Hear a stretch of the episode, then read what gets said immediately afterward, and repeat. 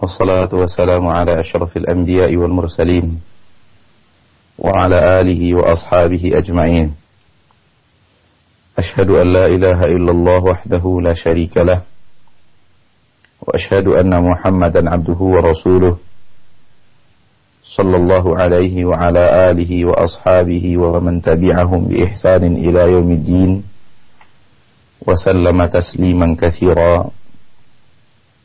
يا أيها الذين آمنوا اتقوا الله حق تقاته ولا تموتن إلا وأنتم مسلمون. يا أيها الناس اتقوا ربكم الذي خلقكم من نفس واحدة وخلق منها زوجها وبث منهما رجالا كثيرا ونساء. واتقوا الله الذي تساءلون به والأرحام. إن الله كان عليكم رقيبا. يا أيها الذين آمنوا اتقوا الله وقولوا قولا سديدا يصلح لكم أعمالكم ويغفر لكم ذنوبكم ومن يطع الله ورسوله فقد فاز فوزا عظيما أما بعد فإن أصدق الحديث كتاب الله وخير الهدي هدي محمد صلى الله عليه وسلم وشر الأمور محدثاتها فإن كل محدثة بدعة وكل بدعة ضلالة وكل ضلالة في النار Ikhwani, akhwati, al-mustami'in wal mustami'at Dimanapun antum berada Rahimani wa rahimakumullah Alhamdulillah Atas rahmat dan nikmat Allah subhanahu wa ta'ala Rabbul Izzati wa Jalalah Kita kembali dipertemukan Di atas jalan aqidah Yang sahihah yang kita berharap Allah Subhanahu wa taala menghidupkan kita di atas akidah yang sahihah dan juga mewafatkan kita di atas akidah yang sahihah. Karena sesungguhnya akidah adalah pondasi beragama sebagaimana sebuah bangunan yang paling penting adalah pondasinya. Maka demikian juga dengan agama kita yang paling penting adalah pondasinya dan pondasinya itu adalah akidah. Di atas akidah amal akan dibangun apabila akidah seseorang rapuh niscaya tidak akan ada amalnya yang kuat. Namun di atas akidah yang kuat berdiri pula bangunan yang kokoh.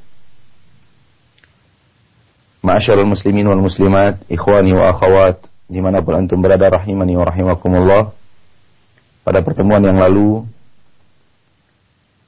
kita telah membahas apa yang dikatakan oleh Fadilatul Syekh Ibnu Taimiyah rahimahullah.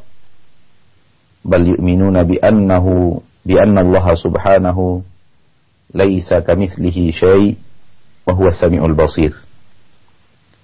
Bahkan ahlu sunnah senantiasa mengimani beriman, meyakini dengan sepenuh hatinya bi Allah subhanahu bahwa sesungguhnya Allah subhanahu wa ta'ala seperti yang ia katakan di dalam Al-Quran surat Ash-Shura ayat 11 yang merupakan yang merupakan pondasi dasar dan teramat penting dan yang paling penting bahkan di dalam memahami akidah tentang Allah Subhanahu wa taala terutama di dalam bab asma wa sifat yaitu firman Allah Subhanahu wa taala laisa kamitslihi syai.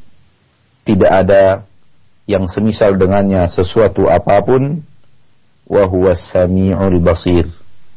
Dan dia yaitu Allah Subhanahu wa taala yang tidak sama dengannya sesuatu apa pun maha mendengar dan maha melihat.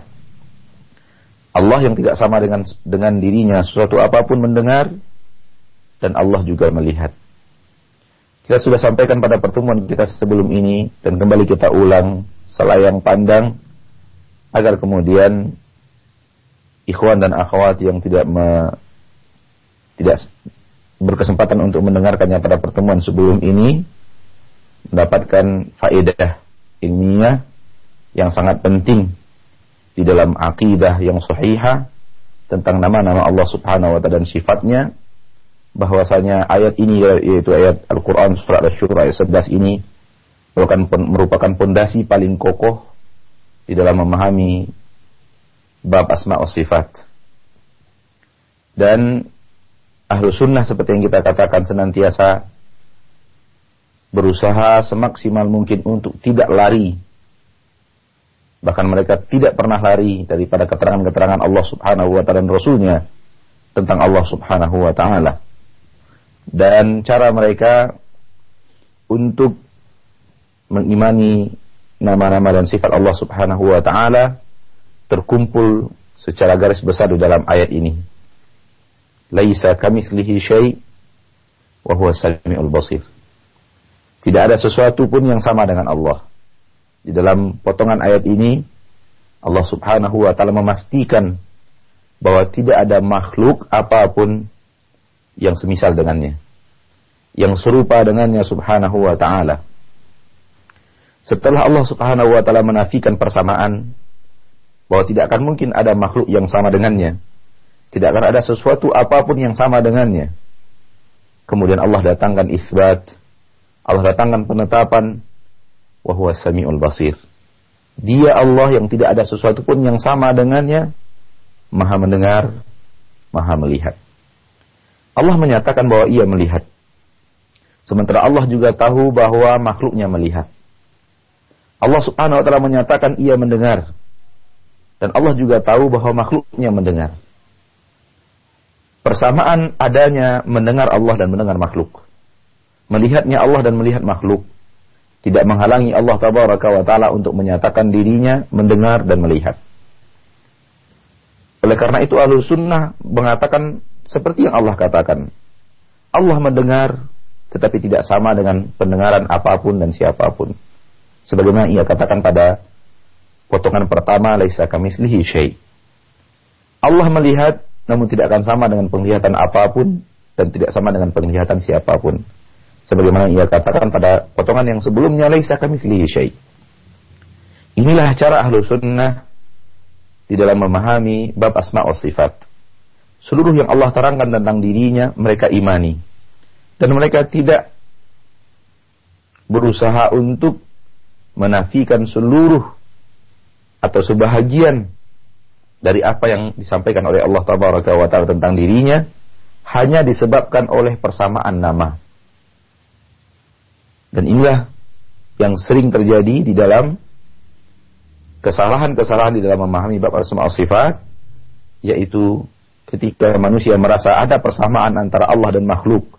Padahal itu hanya persamaan dalam penyebutan dan tidak sama di dalam hakikat, mereka kemudian berusaha untuk menghilangkan nama atau sifat Allah Subhanahu wa taala tersebut dari Allah Subhanahu wa taala karena mereka ingin mencari sesuatu yang tidak sama dengan makhluk atau ingin menafikan persamaan antara Allah dengan makhluk sehingga apa yang Allah terangkan tentang dirinya tidak dipandang disebabkan mereka merasa bahwa dengan menyatakan itu berarti menyatakan bahwa Allah sama dengan makhluk. Dalam ayat ini Allah Subhanahu wa taala menegaskan bahwa tidak ada sesuatu pun yang sama dengan Allah.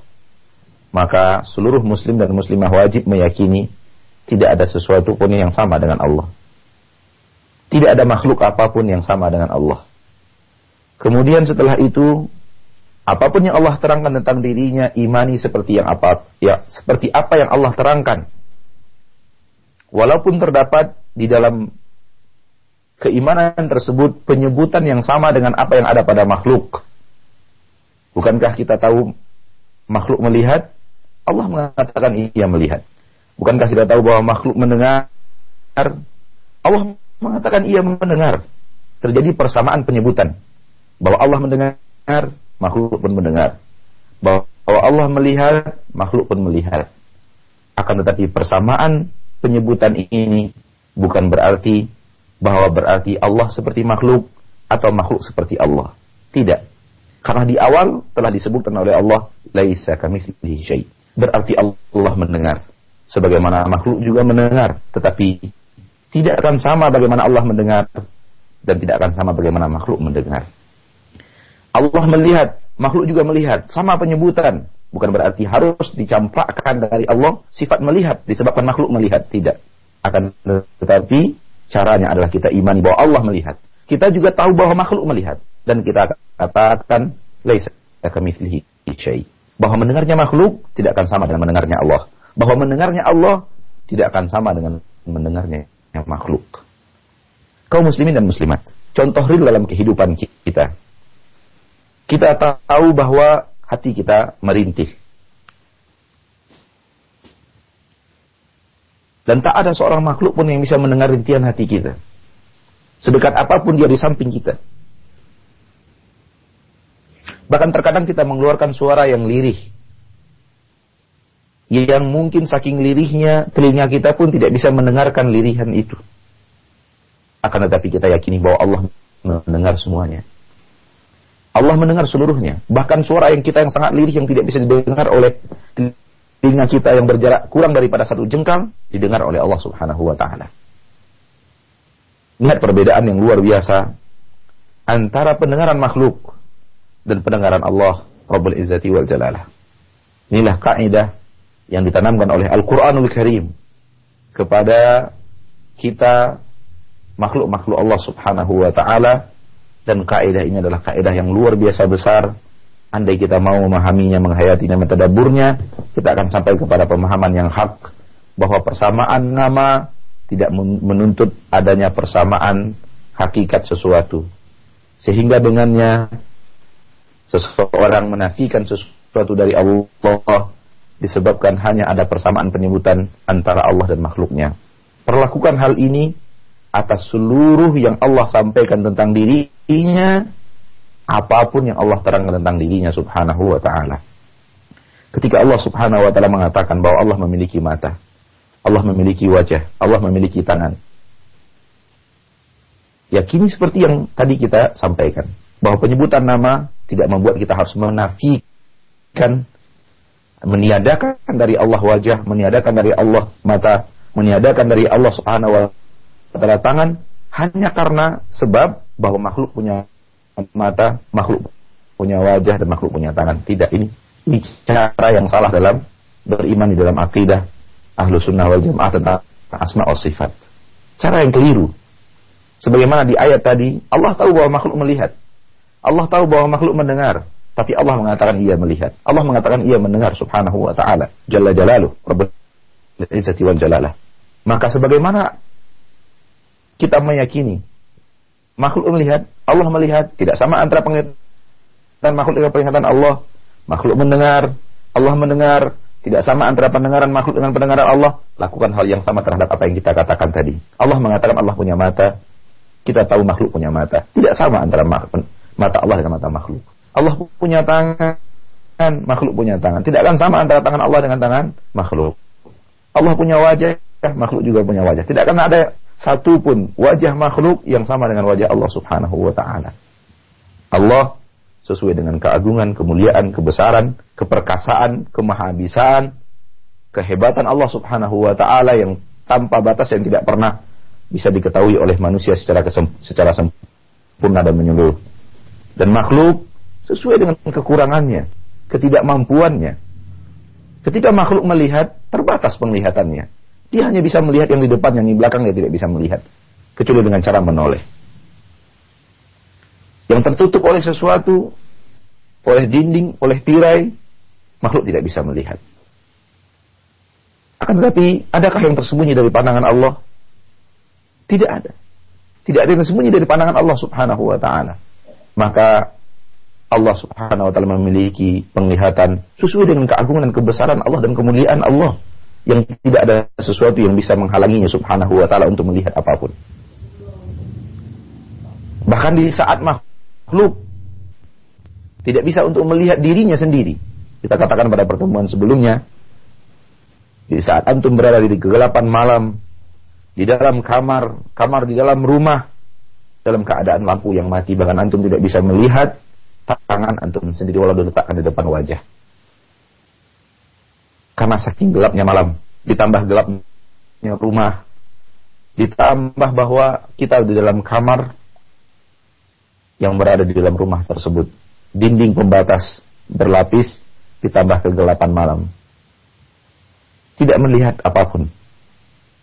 Sebagaimana yang Allah terangkan tentang Nabi Yunus yang berdoa kepada Allah di balik kegelapan, di atas kegelapan, di atas kegelapan. Gelapnya perut ikan yang menelan beliau dan kegelapan lautan yang di dasar karena ikan itu turun ke bawah dan kemudian gelapnya malam. Fana ada fil bulumat. Nabi Yunus menyuruh Allah Subhanahu wa taala dalam kegelapan yang sangat banyak. Masyarul muslimin wal muslimat, Allah melihat Nabi Yunus. Allah mendengarkan suara Nabi Yunus alaihi salam di saat beliau nada fil bulumat. Al la ilaha illa anta subhanak inni kuntu minal zalimin. Demikian juga halnya dengan kita. Di saat kita berada di tempat yang sangat gelap dan kita tidak bisa melihat tangan kita sendiri, Allah melihatnya. Tangan kita sendiri kita tidak bisa melihatnya dan Allah melihatnya. Masyaallah muslimin dan muslimat. Beginilah cara memahami akidah isbat dan akidah nafi di dalam bab asma wa sifat. Barang siapa yang diberikan taufik oleh Allah Subhanahu wa taala untuk sampai kepada akidah nahi e, isbat dan nafi seperti yang diterangkan oleh Allah di dalam Al-Qur'an ini, maka ia sampai biiznillah azza wa jal kepada pemahaman yang mudah, kepada pemahaman yang gampang tentang Allah. Seluruh yang Allah sebutkan tentang dirinya, kita imani. Seluruh yang Allah terangkan tentang dirinya, kita imani. Ketika apa yang Allah terangkan tentang dirinya, ada penyebutannya pada makhluk, tidak membuat kita mengingkarinya dari Allah dan menghilangkannya dari Allah. Hanya karena alasan bahwa takut menyamakan Allah dengan makhluk. Imani bahwa itu milik Allah. Imani bahwa itu adalah sifat Allah. Adapun ketika ada penyebutan yang sama dengan makhluk, katakan Allah sesuai dengan keagungan dan kebesarannya dan makhluk sesuai dengan kelemahannya dan tidak sama antara apa yang dimiliki oleh makhluk dengan apa yang dimiliki oleh Allah tabaraka wa taala. Inilah dia pembahasan kita pada pertemuan yang lalu biinillahi azza wajal. Setelah kita ulang, semoga biinillahi azza wajal antum yang tidak mengikuti pertemuan sebelum ini atau belum mendengar pertemuan sebelum ini bisa mendapatkan faidah. Dan ini adalah kesimpulan yang nyata dan jelas dan tidak dibuat-buat. Semuanya adalah mengimani keterangan yang ada dalam Al-Quran. Dan ini akidah para ulama yang telah kita men, kita timba ilmu dari mereka dan mereka menimbanya dari dari ulama sebelumnya. Begitu seterusnya sampai kepada zamannya tabi'in sampai kepada zamannya sahabat sampai kepada zamannya Rasulullah Shallallahu Alaihi Wasallam semasa beliau hidup karena kita menemukan bahwa ulama-ulama terdahulu memiliki akidah yang sama. Imam Syafi'i, Imam Ahmad, Imam Malik bin Anas, Imam Abu Hanifah, rahimahumullahu jami'an, seluruh ulama daripada Imam Mazhab memiliki akidah yang sama dalam bab ini. Dan pun ahlul batil yang kemudian berusaha untuk membuat sesuatu lari dari sesuatu dari kitabullah akhir daripada perjalanan akidah mereka tentang asma wa sifat adalah bingung dan bingung dan akhirnya setelah sebahagian mereka mendapatkan hidayah mereka menyatakan alangkah indahnya akidah halusunnah wal jamaah tidak rumit tidak susah gampang dan tidak menyalahi kaidah-kaidah syariat satu pun. Dan ini ada di dalam keterangan-keterangan mereka yang telah pernah salah dalam memahami akidah asma wa sifat dan ketika kembali mereka kepada akidah sunnah mereka merasakan alangkah nikmatnya memiliki akidah yang seperti ini. Masyaallah muslimin dan muslimat, kita lanjutkan apa yang disampaikan oleh Syekhul Islam Ibnu Taimiyah rahimahullah setelah beliau menetapkan kaidah yang sebenarnya kaidah itu bukan beliau yang menetapkan, akan tetapi Allah Subhanahu wa taala.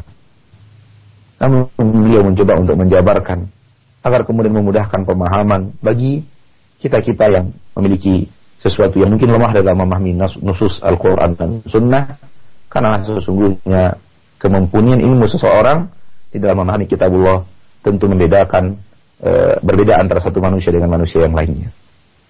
Kemudian beliau katakan setelah menetapkan kaidah itu, beliau mengatakan, "Fala yanfuna anhu ma wasafa bihi nafsahu."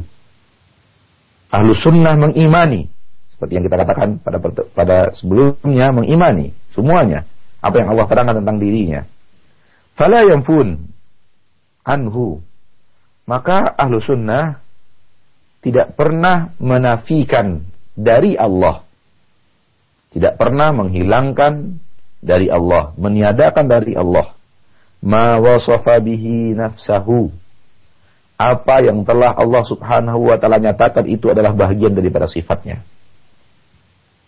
ahlu sunnah tidak akan berani sedikit pun untuk menafikan, meniadakan, menghilangkan dari Allah, menghilangkan dari keyakinan bahwa itu milik Allah.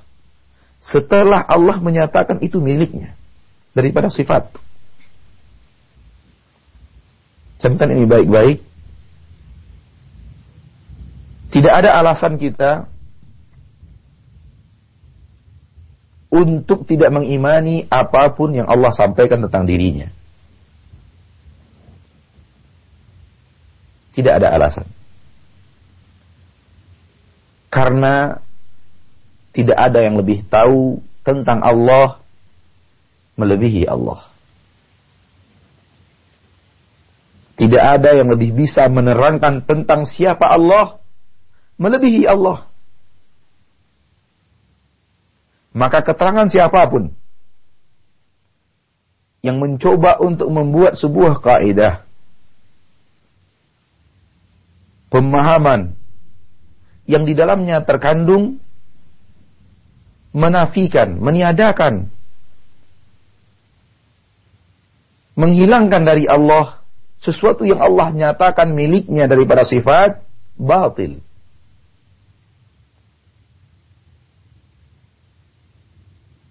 batil. Masyaallah muslimin dan muslimat.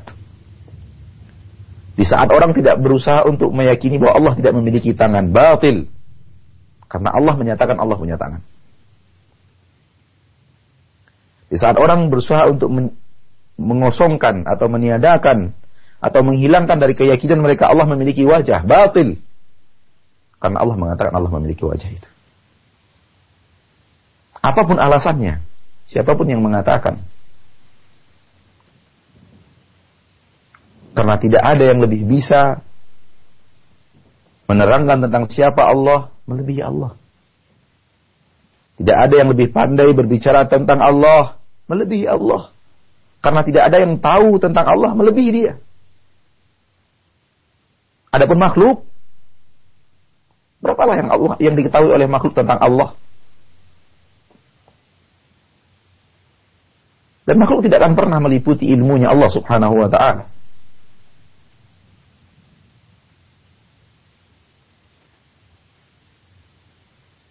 Sehebat apa pun lisan kita berbicara tentang Allah, Allah lebih mulia daripada apa yang kita bicarakan. Allah lebih mulia dari apa yang kita sanjung dan puji. Sehebat apa pun lisan seorang manusia menyanjung dan memujinya. Karena ilmu makhluk tidak pernah meliputi seluruh yang dimiliki oleh Allah tabaraka wa taala. Wala yuhituna bihi ilma. Tidak akan mungkin makhluk itu mengihatah meliputi ilmunya tentang Allah Subhanahu wa taala secara sempurna. Oleh karena itu Nabi Shallallahu Alaihi Wasallam menyatakan itu di dalam munajat beliau kepada Allah Tabaraka wa Taala bahwa ada sanjungan-sanjungan kepada Allah yang tidak diberitahu kepada makhluk. Sehingga di dalam munajat malamnya Rasulullah SAW mengatakan, As'aluka bi kulli ismin huwa laka sammaita bihi nafsak, أو أنزلته في كتابك أو علمته أحدا من خلقك أو استأثرت به في علم الغيب عندك Aku memohon kepadamu ya Allah dengan seluruh nama yang kau berikan nama itu kepadamu. Atau pernah engkau turunkan di dalam kitab-kitabmu yang pernah engkau turunkan kepada hamba-hambamu? Atau pernah engkau hajarkan kepada salah seorang hamba di antara hamba-hambamu di permukaan bumi ini? Atau nama yang kau sembunyikan itu di ilmu gaib yang ada di sisimu yang tidak engkau beritahukan siapa pun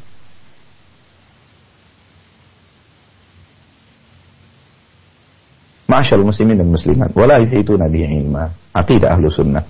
Makhluk tidak akan bisa, tidak akan mampu untuk mengetahui totalitas tentang Allah subhanahu wa ta'ala. Yang diketahui oleh makhluk, sekedar yang diberitahu oleh Allah kepada kita. Dan yang paling menguasainya adalah Nabi Muhammad sallallahu alaihi wasallam. Dan apa yang dikuasai Nabi Muhammad tersebut tidak akan ada makhluk pun menguasai seperti semuanya yang dikuasai Nabi Muhammad tidak akan mungkin. Semuanya dikuasai oleh, oleh makhluk hamba seperti yang dikuasai Nabi Muhammad tentang Allah tidak mungkin. Kalau demikian keyakinan kita, maka alasan apa kita tidak menerima sesuatu yang Allah terangkan tentang dirinya? Alasan apa yang bisa kita gunakan ketika Allah mengatakan saya memiliki ini, saya memiliki sifat seperti ini, saya memiliki sifat zat seperti ini, lalu kita tolak.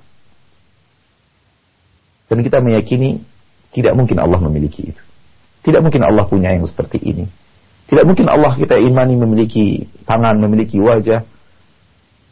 Subhanallah. Allah mengatakannya Allah memiliki, Anda mengatakannya Allah tidak memiliki. Malakum kaifa tahkumun. Ada apa dengan kalian? Bagaimana kalian cara membuat hukum dan keputusan? Alangkah naifnya hamba yang lemah seperti kita berani menghukumi firman Allah tabaraka wa taala setelah Allah tetapkan itu miliknya lalu kita katakan tidak.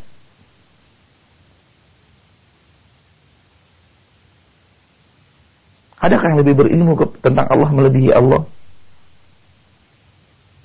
Ada adakah yang lebih bisa berbicara tentang Allah melebihi Allah?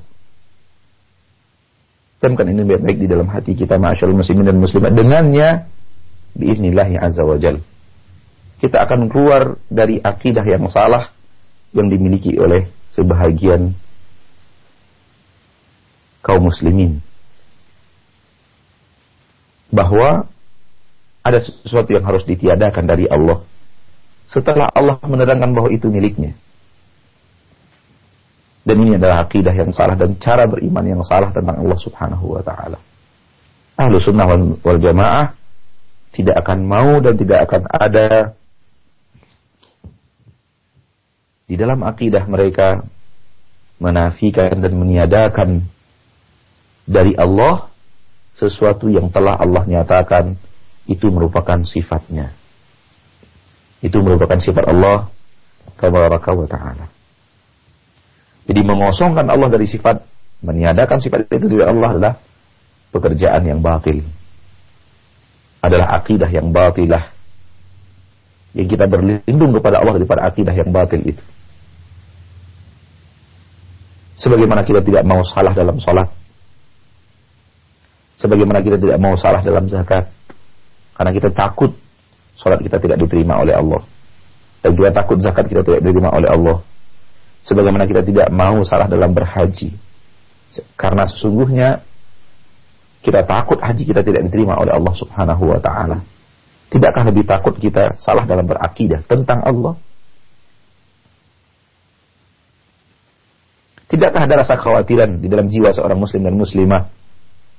Dia salah berilmu tentang Allah. Allah Rabbul Izzati wal Jalalah. Penguasa langit dan bumi. Pencipta kita yang kepadanya kita ruku dan sujud dan kepadanya seluruh kita akan dikumpulkan dan berhadap dengannya, berhadapan dengannya. Pemilik surga dan neraka. Pemilik seluruh nikmat yang ada di permukaan bumi. Salah akidah kita tentang Allah. Tidakkah ada kekhawatiran untuk itu? Tidak ada kecemasan, tidakkah ada kecemasan? Salah dalam berakidah. Kalau ada kecemasan dan kekhawatiran salah berakidah tentang Allah, Jangan pernah berani untuk mengosongkan dan meniadakan dari Allah sesuatu yang Allah nyatakan itu miliknya.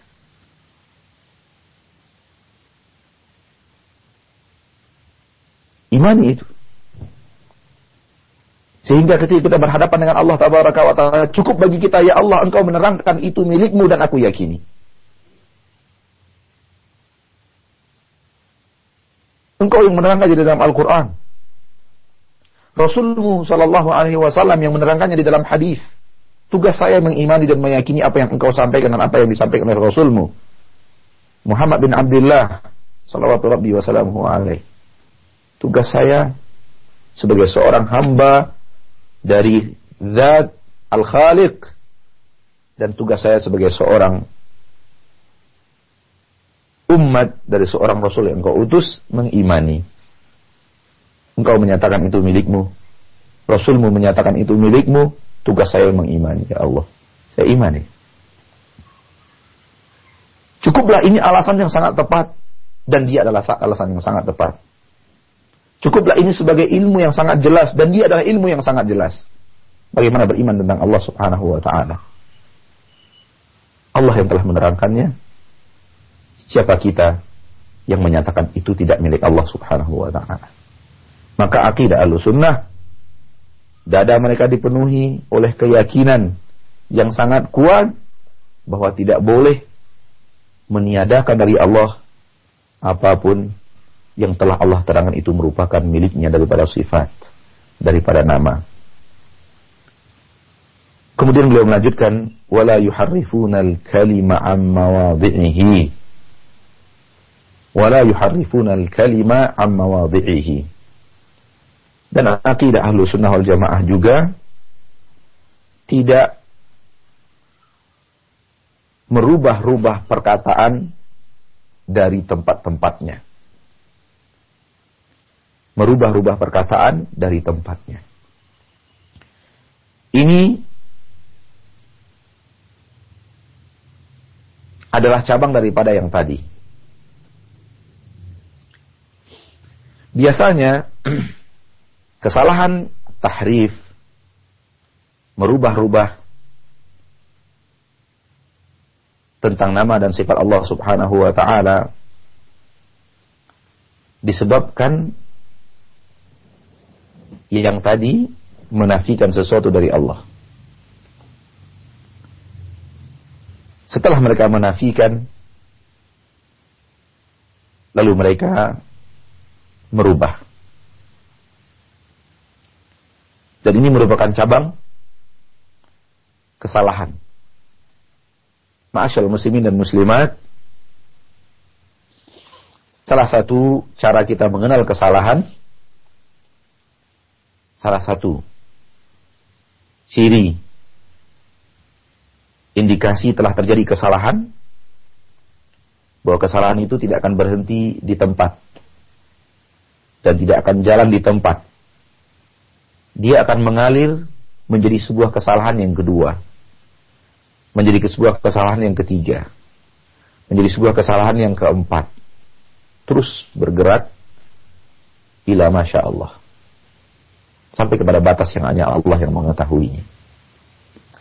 Indikasi kebatilan dia tidak akan berdiam diri di sebuah tempat dan dia tidak akan berjalan di tempat. Dia akan melangkah kepada kesalahan yang kedua, kesalahan yang ketiga, kesalahan yang keempat.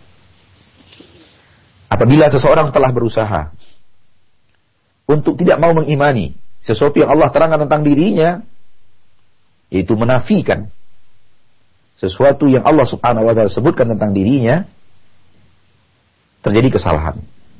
Allah menetapkan itu miliknya, ia menolak itu milik Allah. Allah mengisbat, dia menafi. Allah menerangkan ada, dia mengatakan tidak mungkin telah terjadi sebuah kesalahan. Dan kesalahan ini tidak akan diam di tempat. Tidak cukup sampai di situ. Syaitan akan menggoda mereka untuk membuat kesalahan yang berikutnya. Jadi ciri kesalahan seperti itu.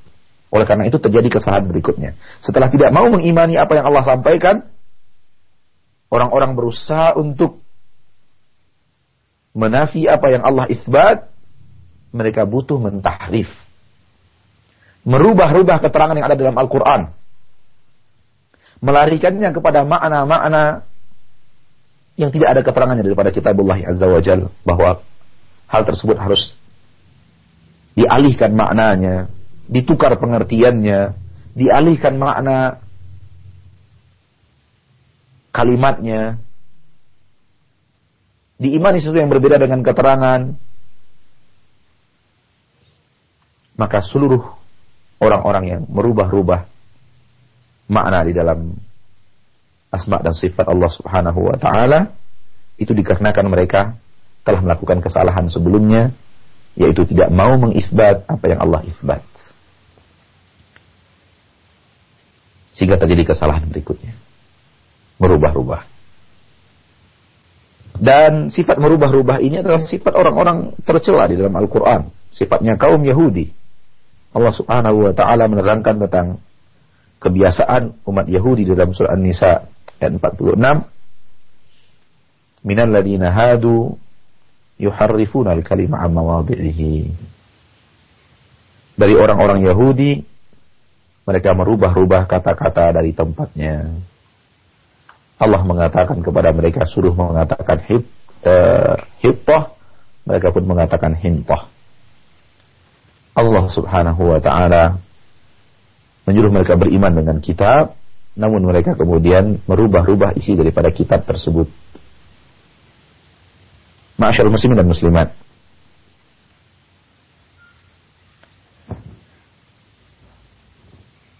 Contoh adanya tahrif ketika seseorang mendengar firman Allah tabaraka wa taala yadullahi fawqa aydihim. Tangan Allah di atas tangan mereka.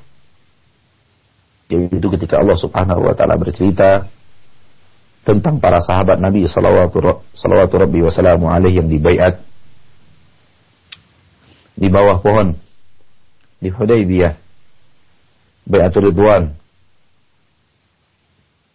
Allah Subhanahu wa taala mengatakan yadullahi fawqa aydihim tangan Allah Subhanahu wa taala di atas tangan-tangan mereka Ketika Allah mengatakan tangan Allah berarti Allah menyatakan ia memiliki tangan akidah sunnah mengisbat apa yang telah Allah tetapkan untuknya. Maka ahlu sunnah mengatakan Allah punya tangan. Kalau ada yang kemudian mengatakan bukankah makhluk juga punya tangan, kita katakan ya makhluk juga punya tangan. Tangan Allah sesuai dengan keagungan dan kebenaran.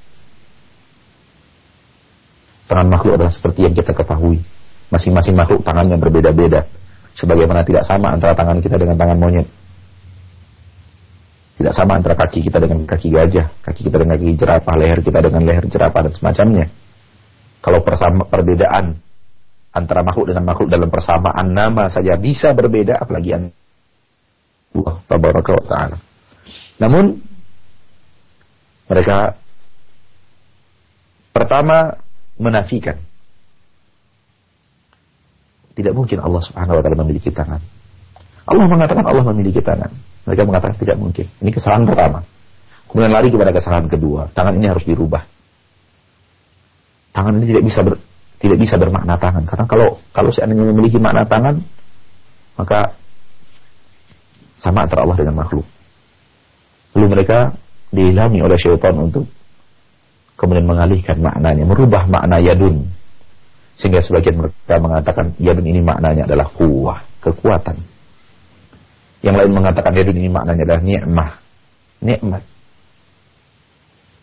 Terjadi aksi merubah. Tahrif. Meletakkan sesuatu bukan pada tempatnya. Merubah sesuatu dari sesuatu yang telah ditetapkan oleh Allah kepada makna yang lain. Yang Allah tidak pernah suruh kita melakukan itu.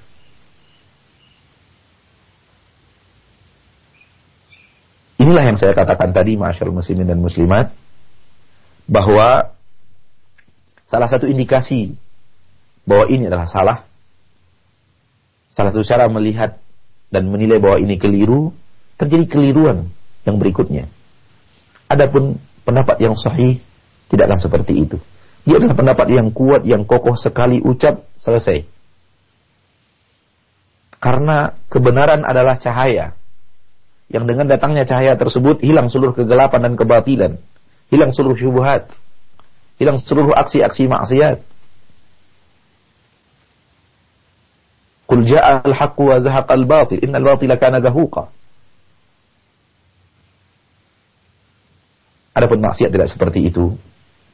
Perjalanannya perjalanannya akan berlanjut dan berlanjut dan antum bisa mendengar kesalahan demi kesalahan dalam meyakini tentang asma dan sifat Allah sampai bisa menjadikan seorang manusia berani berkata Ana rabbu wa rabbu ana ya laita syi'ri manil ladhi yu'bad. Sayalah Tuhan dan Tuhan adalah saya. Duhai gerangan siapa yang akan diibadati. Dan ini adalah penyebab daripada kesalahan demi kesalahan dalam bab asma wa sifat sampai ada makhluk yang berani mengatakan sayalah Tuhan dan Tuhan adalah saya. Nauzubillah min dzalik. Nauzubillah min dan ini adalah buah. Perlahan, perlahan tapi pasti, perlahan tapi pasti, sedikit demi sedikit digeser kesalahan itu sampai kepada titik yang luar biasa kufurnya. Dan di dalam Al-Quran Allah mengatakan ini dalam surah Al-Baqarah Allah berfirman fi qulubihim maradun fazadahumullahu maradha di hati mereka ada penyakit, akan Allah tambahkan penyakit itu dengan penyakit. Berarti maksiat akan bertambah. Sampai di kepada titik-titik yang kufur. Ya lebih akan mengatakan orang di neraka Allah subhanahu wa ta'ala. Maka ahlu sunnah tidak memiliki sifat itu sedikit pun. Tidak memiliki sifat menafikan apa yang Allah tetapkan. Apalagi memiliki sifat merubah-rubah kalimat dari tempatnya. Wallahu taala alam mudah-mudahan apa yang bisa Anda sampaikan pada pertemuan kali ini bisa bermanfaat terkhusus untuk yang berbicara. Semoga Allah Subhanahu wa taala menjaga akidah kita hingga akhir hayat sehingga kita tidak salah di dalam berakidah, apalagi akidah tentang Allah Rabbul Izzati wal Jalalah. Kita kembalikan pada akhuna Fawas wa Baik, terima kasih untuk Al Ustaz Jazakallah khairan atas Eh, materi dan nasihat yang telah disampaikan. Semoga Allah Subhanahu wa taala memberkahi ilmu yang telah Ustaz sampaikan dan menjaga al-ustaz beserta keluarga. Saudaraku seiman rahimakumullah. Selanjutnya kita akan memasuki sesi tanya jawab dan di kesempatan kajian ilmiah kita uh, kajian syarah akidah wasitiyah di kesempatan pagi hari ini kami hanya akan membuka dan menyampaikan pertanyaan via pesan singkat saja di 081 989 6543. Satu pertanyaan datang dari pendengar kita dari Bapak Nugroho di Jakarta yang bertanya, Ya Ustadz Barakallahu Fik, uh, pernah saya uh, berdiskusi dengan seorang rekan, seorang rekan sesama muslim tentang keberadaan Allah Subhanahu wa taala. Maka saya katakan kepada beliau bahwasanya Allah bersemayam di atas lang, uh, Allah bersemayam, Allah berada di langit dan beristiwa di arsh. Kemudian saya pun ditanya, arsh dan langit apakah makhluk atau ciptaan Allah? Maka saya pun menjawab benar. Lalu mereka bertanya, di manakah Allah sebelum langit atau ars tersebut diciptakan? Maka saya jawab bahwa tidak boleh bertanya tentang hal ini karena ini adalah pertanyaan bid'ah. Maka mereka pun e, mencemooh saya dan memberikan e, pernyataan bahwasannya akidah salafiyah adalah akidah membingungkan dan siapa saja yang mempelajari akidah salafiyah maka akan terjatuh ke dalam kebingungan. Mohon pencerahan bagaimana saya harus memberikan e, penjelasan atau syubhat terhadap mereka. Terima kasih untuk Al Ustaz Jazakallah khairan. Ikhwani wa akhwati fid din rahimani wa rahimakumullah. Sebelum kita menjawab apa yang ditanyakan oleh saudara kita. Jazakallahu khair atas pertanyaannya. Suatu hal yang ingin kita sampaikan nasihat untuk pribadi dan seluruh kaum muslimin dan muslimat yang mendengar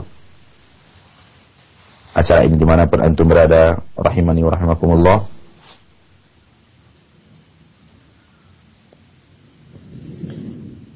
hendaklah kita berusaha untuk mematangkan ilmu kita dan mengukuhkan pemahaman kita sebelum kita melangkah kepada titik berdiskusi. Karena sesungguhnya apabila seseorang memiliki kekokohan ilmu yang kurang dan ia memiliki keinginan untuk berdiskusi, maka tidak jarang kita menemukan realita bahwa dia pun bingung dengan akidahnya, bingung dengan keyakinannya, dan orang-orang tersebut yang berdiskusi dengannya malah bisa memasukkan keraguan di dalam hatinya.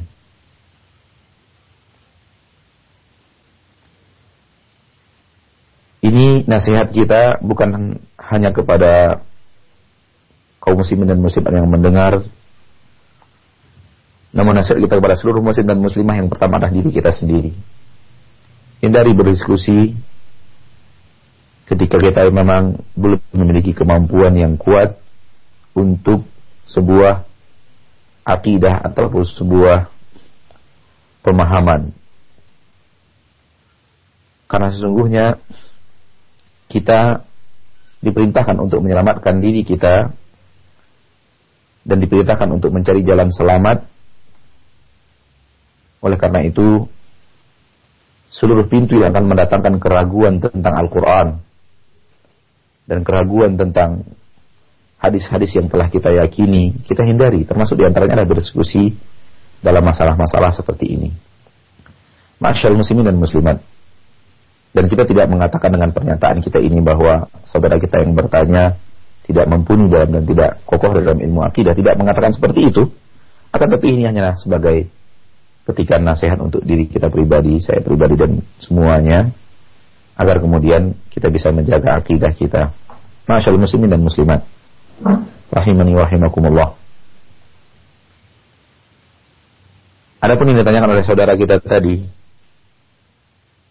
ketika dia mendengar orang lain bertanya tentang di mana Allah di saat makhluk tidak ada. Seharusnya jawaban yang kita katakan kepada orang tersebut adalah tidak ada keterangan dari Allah Subhanahu wa taala dan Rasulnya dalam masalah ini. Oleh karena itu saya tidak mengetahuinya.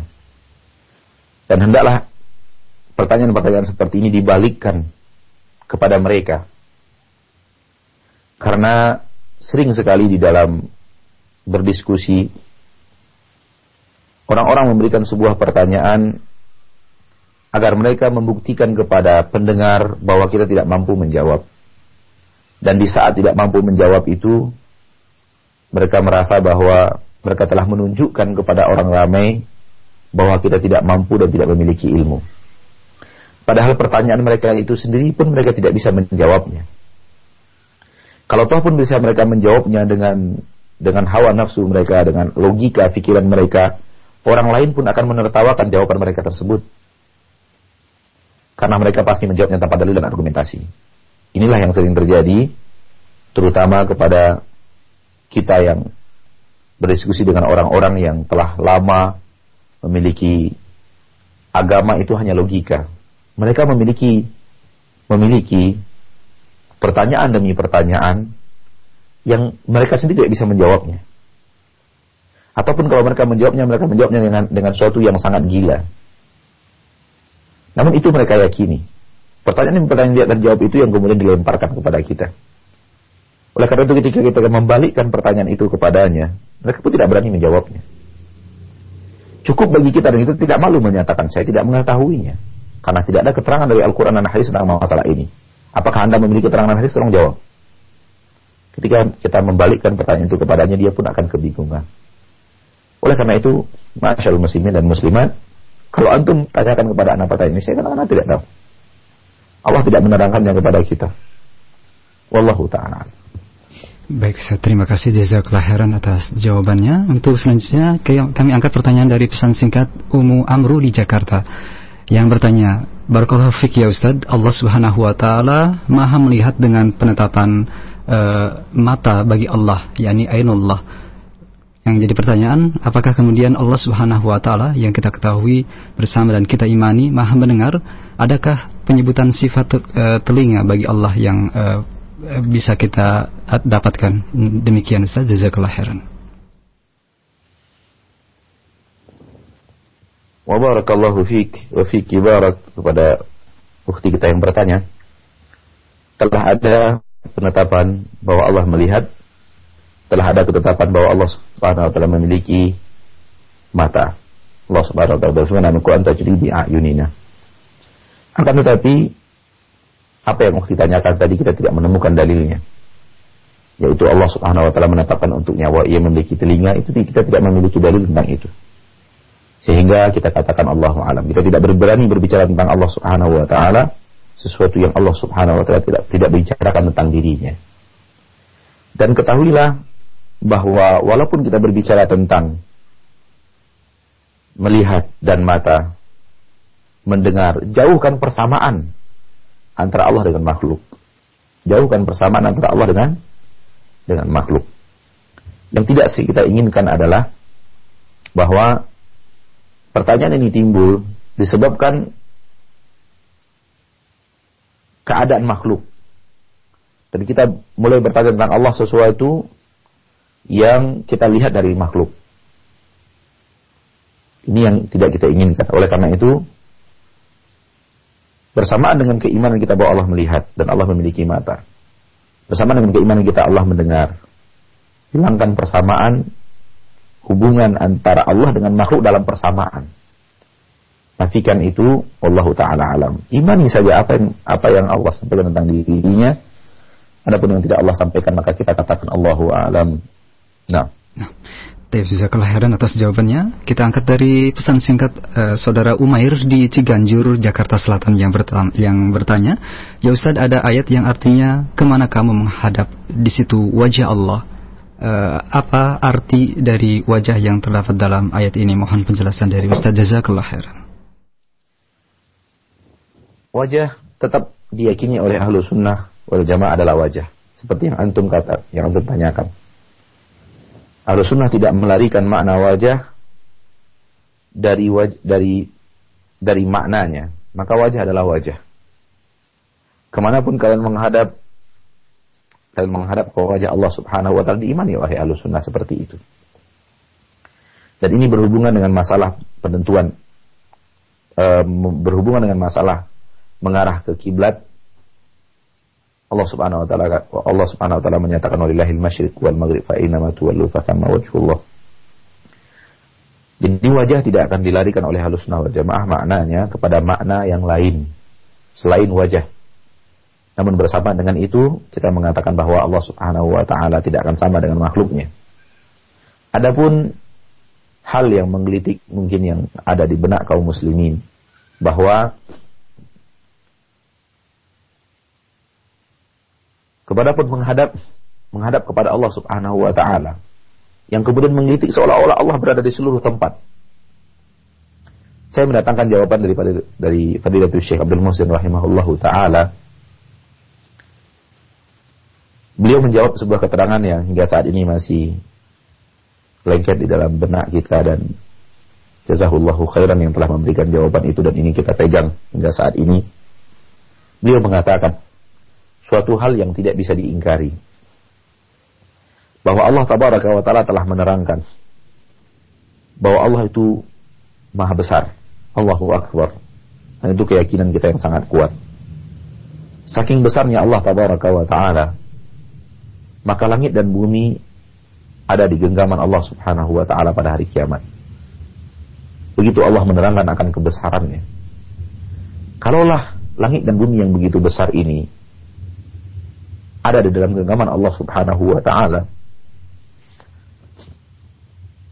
Dan begitu besarnya Allah Subhanahu wa taala, maka ke mana kita akan pergi melihat, menghadap, maka sebenarnya kita menghadap kepada Allah Subhanahu wa taala. Karena Allah itu maha besar. Rabbul Izzati wal Jalalah. Apa yang beliau sampaikan ini Hafizahullah Ta'ala menerangkan kepada kita bahwa kalau sesuatu itu sangat besar, maka tidak ayal bahwa ia subhanahu wa ta'ala ke mana pun kita menghadap, kita menghadap kepada Allah subhanahu wa ta'ala. Karena dia meliputi segala sesuatu. Dan itu tidak bertolak belakang dengan keyakinan kita bahwa Allah di atas arus. Allah di atas arus dan Allah maha besar. Apa yang menghalangi semua itu untuk kita mengatakan ke mana pun kita menghadap, setelah menghadap kepada wajah Allah subhanahu wa ta'ala. Imani sesuai dengan apa yang ada saja dan sampai di situ pengetahuan kita tentang Allah, sampai di situ keimanan kita tentang Allah yang tidak kita ketahui di baliknya, kita tidak perlu mencari dan me berusaha untuk merekanya dan imani seperti yang Allah sampaikan. Dan Imam Syafi'i telah berkata dan itu adalah sebuah ucapan beliau yang sangat masyhur. Saya beriman kepada Allah sesuai dengan maksud Allah. Saya beriman kepada apa yang disampaikan Rasulullah sesuai dengan maksud Rasulullah Sallallahu Alaihi Wasallam. Ini adalah akidah global yang sangat bisa membawa kita kepada akidah yang sahih tentang Allah Subhanahu Wa Taala. Nah, Jazakallah kelahiran atas jawabannya dan di kesempatan berikut uh, ini merupakan pertanyaan terakhir saja ada pertanyaan kita, uh, dari pendengar kita uh, saudara Ibnu Abdullah di Malaysia yang bertanya Ustadz berkaitan dengan pertanyaan yang pertama tadi bagaimanakah dengan penafsiran para ulama terhadap ayat ke-11 surat Fusilat Sumastawa ilas sama iwahiyya dukhanun uh, apakah uh, ayat ini bisa dijadikan uh, sebagai uh, jawaban terhadap pertanyaan yang disampaikan oleh saudara kita yang pertama tadi. Jazakallah heran ya Ustaz.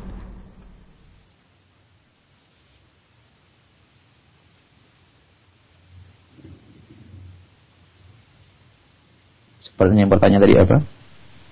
Ya, eh, bagaimanakah? Pertanyaan yang pertama tadi. Ya, apa? pertanyaan tadi yang pertama terkait dengan keberadaan Allah Subhanahu Wa Taala, di mana ada syubhat yang bertanya apabila langit dan arsy belum diciptakan maka Allah berada di mana demikian ya Ustaz tidak ayat yang tadi dibawakan tidak ada hubungannya dengan keberadaan Allah Subhanahu wa taala sebelum menciptakan makhluk Adapun makna sumastawa ila sama bermakna ulama menerangkan makna istawa apabila bergabung dengan makna ila bergabung dengan huruf ila berbeda maknanya dengan istawa apabila ber, bergabung dengan huruf ala. Ini yang kita tahu dari keterangan para ahli ilmu yang telah kita belajar akidah daripada mereka. Oleh karena itu tidak benar bahwa menyamakan antara istawa alal arsh ini ketika arsh sudah ada namun sebelumnya istawa ila sama. Kalau ini yang dimaksud adalah pertanyaan yang terakhir dari saudara kita yang berada di negeri seberang, maka ini tidak benar mengkaitkan antara ini. Karena di dalam bahasa pun dibedakan oleh Allah. Dan para ulama juga menerangkan kepada kita bahwa istawa ila maknahu, makna daripada istawa ila kosoda. Bermaksud dan bertujuan kepada langit untuk kemudian menciptakan langit. Dan tidak ada bermakna di atas sebagaimana istawa ala karena kalimatnya sudah berbeda dan secara bahasa itu pun berbeda maknanya. Oleh karena itu ini tidak menerangkan sedikit pun keberadaan Allah sebelum Allah menciptakan langit dan bumi. Wallahu taala Baik Ustaz, pertanyaan dari saudara kita di Malaysia tadi menutup perjumpaan kita dan ada kesimpulan atau penutup untuk perjumpaan kita silahkan Ustaz. Ikhwani wa akhwati fi din rahimani wa rahimakumullah. Seorang yang ingin selamat di akhirat maka dia harus beriman dengan keseluruhan yang ada di keterangannya dalam Al-Qur'an dan hadis terkhusus apatah lagi kalau itu adalah keterangan tentang Allah. Dan manusia dengan ilmu yang sangat singkat belum menguasai ilmu tentang makhluk. Oleh karena itu, janganlah mereka sombong untuk ingin menguasai dan memahami secara totalitas tentang Allah. Namun yang harus mereka lakukan adalah imani apa saja yang Allah terangkan tentang dirinya Setakat itu, sebatas itu, itulah kemampuan kita untuk berilmu tentang Allah. Adapun kemudian membuat pertanyaan-pertanyaan yang aneh dan ingin jawabannya real dan pasti di permukaan bumi dan harus juga sesuai dengan logika cara dia berpikir, maka ini adalah melampaui batas di dalam uh, beragama, melampaui batas dalam kemampuan bahkan. Kalaulah makhluk yang Allah ciptakan dan itu adalah makhluk yang kecil di pandangan kita kecil dalam bentuk kita belum menguasai ilmunya. Bagaimana kita akan berusaha dengan akal pikiran kita menguasai ilmu tentang Allah? Ketahuilah mata. Sampai saat ini dari dulu dia sekecil itu. Dan sampai saat ini belum dikuasai ilmu tentang mata itu secara 100%. Para ahli mata masih terus mengkaji. Masih banyak rahasia-rahasia di balik mata. Itu baru satu mata. Bagaimanakah kita terlalu sombong untuk ingin menguasai seluruh ilmu tentang Allah Subhanahu wa taala, maka tidak ada jalan berilmu tentang Allah kecuali hanya kepada apa yang Allah terangkan tentang dirinya dan apa yang Rasulullah terangkan tentang Allah di luar semua itu kita tidak perlu bertanya-tanya karena tidak ada kewajiban kita untuk meyakininya dan pertanyaan demi pertanyaan itu adalah lemparan-lemparan daripada syaitan dan bisikan daripada syaitan agar kita kemudian dengan merasa kita ber, e, berlogika lebih mampu daripada apa yang Allah terangkan daripada Rasulullah SAW terangkan maka dengan jalan itu syaitan bisa menyeret kita dalam kebatilan. Wallahu taala a'lam.